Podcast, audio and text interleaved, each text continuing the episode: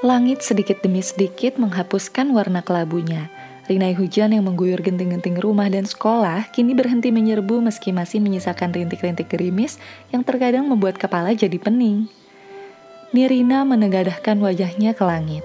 Matanya menerawang jauh ke atas sana, hanya saja yang didapatnya bukan apa-apa.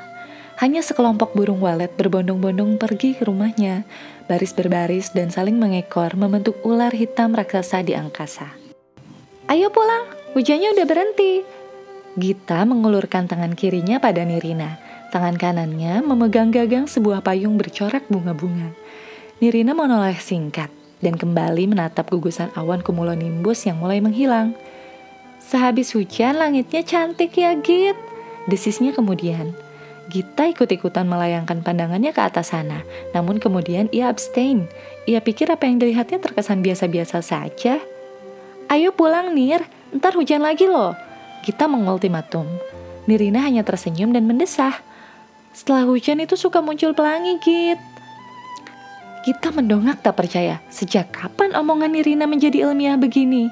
Namun, kemudian kita sadar, Nirina akan 180 derajat berbalik dari sifat aslinya yang ngocol saat melihat hujan turun. Kita dan Nirina berjalan beriringan dalam satu payung. Mereka memang terbiasa pulang bersama sejak masa orientasi di SMA favorit di Kabupaten Subang ini. Awalnya mereka tidak saling mengenal. Gita asli Sagala Herang, salah satu kecamatan yang letaknya di barat daya Kabupaten Subang. Sedangkan Nirina berasal dari Jakarta. Tanpa terasa, mereka telah bersahabat kurang lebih satu tahun. Sebentar lagi mereka sama-sama akan duduk di bangku kelas 11. Ada kenangan indah saat hujan memangnya Nir? Kamu suka hujan atau memang suka pelangi atau suka apanya? Tanya Gita dengan tatapan menyelidik. Lagi-lagi Nirina hanya tersenyum penuh makna. Ada yang disembunyikan dari sorot matanya. Kenangan-kenangan di masa lalu berlompatan di benak Nirina.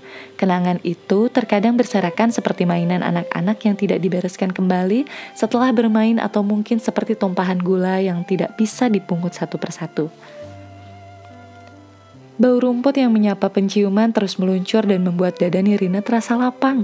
Ia lalu memejamkan matanya sejenak dan berhenti melangkah di susul Gita yang juga berhenti dan menatapnya kebingungan. Nirina membayangkan lagi kenangan itu adalah Jenis presipitasi tergantung pada apa yang terkandung dalam awan, bisa berupa butiran air, kristal es, ataupun keduanya. Awan rendah yang tipis hanya mengandung butiran sehingga menghasilkan hujan atau gerimis. Awan yang lebih tebal mengandung baik butiran ah sorry sorry butiran air maupun kristal es sehingga dapat menghasilkan hujan, salju atau butiran es. Ujar Pak Johar menerangkan dengan logat Jawanya yang kental. Sebagian siswa masih antusias menerima materi pelajaran IPA mengenai hujan dan siklus hidrologi tersebut. Sebagian lagi tidak memerhatikan sama sekali. Nirina adalah salah satunya. Nir, desis Malia di telinganya. Nirina menggumam sewot karena Malia mengganggu tidurnya. Sejenak ia berpura-pura memerhatikan Pak Johar yang sedang mengajar, lalu kemudian memalingkan wajahnya pada Malia. Ada anak baru kelas 8 ganteng banget, Nir. Ujar Malia, teman sebangkunya itu dengan antusias. Ekspresi wajah Nirina hanya dingin, namun ia mendengarkan ocehan Malia walau dengan malas-malasan. Ayah, terus gimana? Komentarnya tak perlu. Malia menghela napas sejenak sebelum melanjutkan ceritanya. Iya, kelas 8D, namanya Rayana, tapi katanya biasa dipanggil Rai. Nirina pura-pura mengangguk-angguk, sebetulnya ia masih mengantuk, tidak peduli juga pada cerita temannya.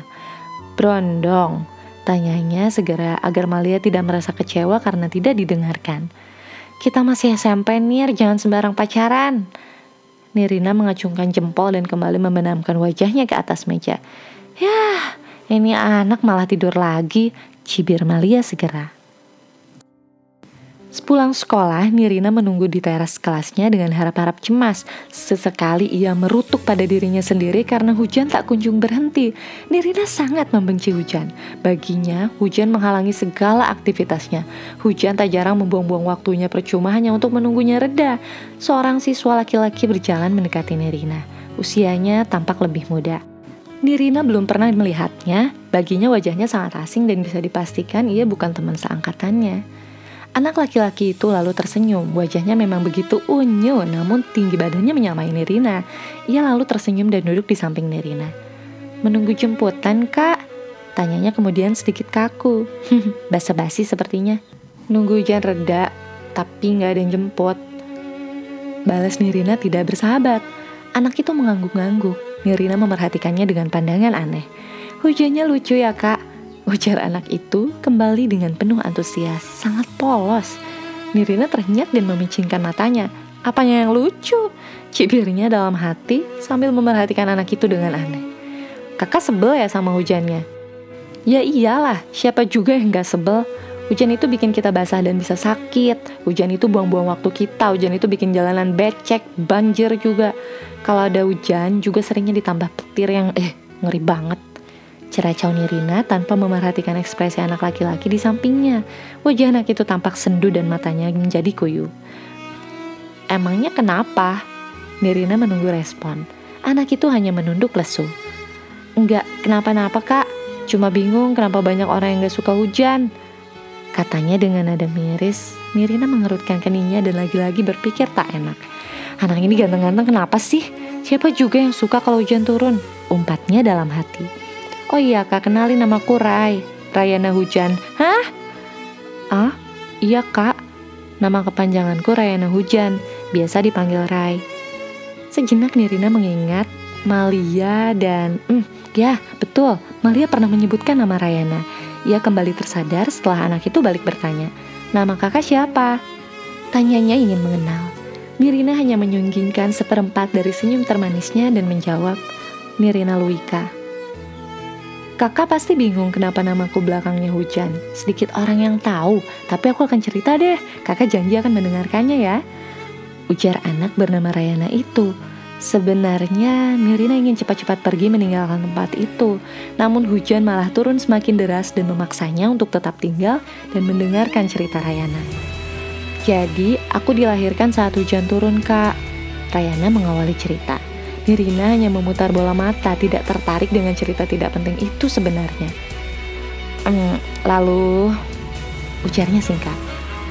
Rayana menghela napas dan memandang ke langit. Hujan masih terus mengeroyok bumi dengan serbuan air beningnya. nah, saat melahirkanku, ibuku meninggal, Kak. Jadi aku diberi nama Hujan agar aku tidak pernah melupakan hujan di tanggal 24 November 13 tahun yang lalu, Kak. Nirina tersentak, darahnya berdesir begitu cepat dan hatinya melembek. Luluh dan iba, perasaannya menjadi kacau. Ia lalu semakin fokus untuk mendengarkan guncangan hati Rayana selanjutnya. Ayahku bilang, setiap selesai hujan pasti akan selalu ada pelangi yang indah. Setelah adanya suatu bencana, pasti akan ada hikmah yang indah di balik itu semua. Jadi, aku tidak pernah membenci hujan, Kak. Ibuku pergi di saat hujan, karena itulah setiap hujan aku selalu senang karena merasa bertemu dengan ibu. Nirina memerhatikan setiap ucapan Rai dengan sinar mata yang meredup. Ia bisa melihat kepedihan mengganjal di sela-sela matanya. Kak, kalau hujan turun, pada saat kita melakukan sesuatu tandanya Tuhan mencintai apa yang kita kerjakan, Kak.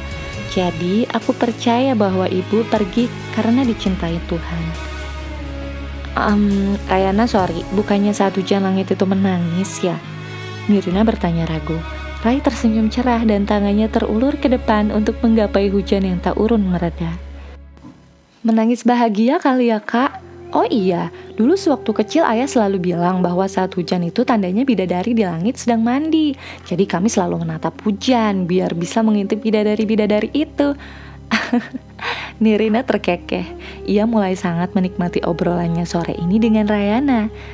Uh, Rai, kau murid baru ya? Kenapa pindah sekolah? Tanya Nirina mencoba untuk mengalihkan pembicaraan tentang hujan dan duka yang disimpan Rai dalam hidupnya. Ia tampak mulai mencair ya. Rai kini menggigiti bibirnya dan terlihat berpikir. Hmm, kalau aku berkata jujur, aku takut kakak tidak mau berteman denganku. Desahnya sedih namun tetap polos. Nirina mendengus. Rai cerita saja, desaknya. Um, di sekolah lamaku aku sering bolos, kak. Jawab Rai keluh. Nirina mengernyitkan dahinya. Ia tidak percaya anak yang tampak baik dan polos seperti Rayana bolos sekolah. Kak, aku lupa ayah menjemputku di toko seberang. Jadi kakak pakai saja payungku ya. Hujannya tidak akan berhenti sebentar lagi. Kakak pulang dengan ini saja. Jangan lupa nanti tunggu datangnya pelangi ya. Gumamnya sambil mengulurkan sebuah payung berwarna biru. Gambar Doraemon terhampar di atasnya. Awalnya Nirina ragu, tapi akhirnya ia mengambilnya karena ia juga percaya ia harus selalu pulang. Apa yang diyakininya sama seperti pemikiran Rai, hujan tidak akan berhenti sebentar lagi.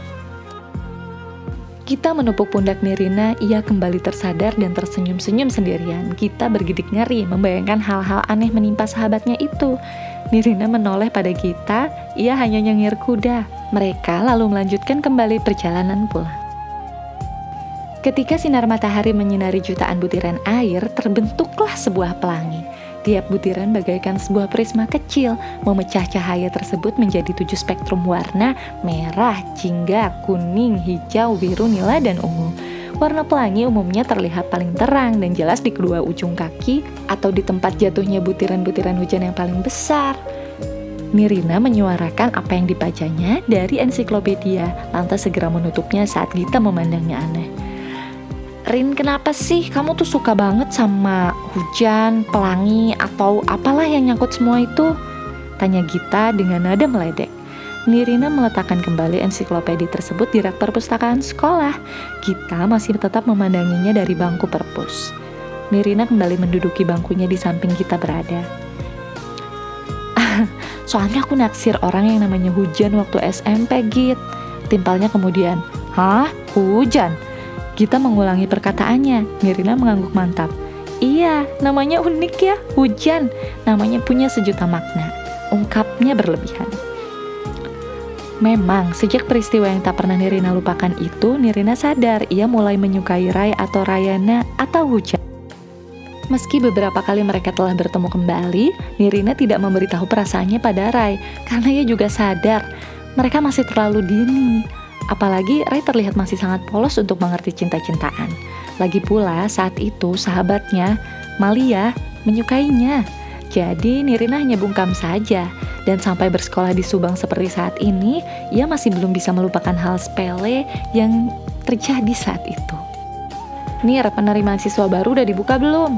Gita mengalihkan obrolan. Uh, udah diumumin kayaknya, tinggal waktunya daftar ulang. Kenapa emangnya? Jawab Nirina singkat. Ya cuma mau mastiin berondong kamu tuh masuk ke SMA ini juga. Gita berseri-seri, Nirina menertawakan pipi tembem Gita yang memerah dan menjadi seperti tomat. Eh Git, kenapa kita nggak lihat data-data siswa baru di ruang PSB aja? Kan ayah kamu guru di situ. Usul Nirina yang langsung disetujui Gita untuk segera menemui ayahnya di ruang PSB. Sesampainya di ruang PSB, ternyata ruangannya kosong tidak ada yang menjaga. Mungkin ayah Gita atau Pak Murhadi sedang ada keperluan mendadak di ruangan lain. Gita langsung mengarahkan pandangannya ke daftar peserta yang lolos menjadi siswa di SMA Negeri 1 Subang dan ia mendesah kecewa saat nama orang yang diharapkannya tidak tercantum di sana. Yah, Nir nggak ada. Nirina tentu lebih kecewa daripada itu. Tanpa sengaja, Nirina melirik secari kertas yang ada di atas meja. Ia mengambil kertas itu dan terkejut saat membaca isinya. Sebuah kurikulum vitae dari salah seorang peserta yang keterangannya sih lolos seleksi. Nama Rayana Hujan, tempat tanggal lahir 24 November 1997 di Jakarta. Alamat Jalan Pierre Tendea nomor 10 Subang. Oh, ternyata dia sekarang tinggal di Subang. Alamat sekolah SMP Nusantara Jakarta Selatan, moto hidup setelah hujan besar pasti akan selalu muncul pelangi, selalu ada hikmah di balik sesuatu. Nirina meroket, jiwanya lepas, ia sangat lega, terharu, senang, terkejut, tidak menyangka, tidak percaya dan segala perasaannya berubah menjadi seperti gado-gado. Gita memandanginya bingung dan melangkah mendekatinya. Kemudian Gita mengangguk paham dan ikut tersenyum dibuatnya. Beberapa detik kemudian, Pak Murhadi masuk dan terkejut mendapati dua siswanya ada di dalam ruangan PSB. Nirina terpaksa meletakkan kembali kertas kurikulum vitae yang istimewa itu padahal ia ingin membawanya pulang. Lagi ngapain kalian di sini? Tanya ayah Gita terkejut. Gita dan Nirina saling berpandangan. Tanpa pikir panjang, ia tunjuk secari kertas yang baru saja ia lihat. Apa? Orang itu kok nggak ada di daftar ya? Tapi keterangan di CV-nya dia lolos. Dia teman kita. Pak Murhadi tersentak. Ia pandangi lekat-lekat anaknya, Nirina, dan bergantian dengan CV yang tergolek di atas meja. Oh, Git, dia sebetulnya lolos, tapi dua hari yang lalu keluarganya menghubungi sekolah bahwa dia sudah meninggal. Memang sudah lama sakit katanya. Meski hari ini tidak hujan, Nirina merasa seperti disambar petir.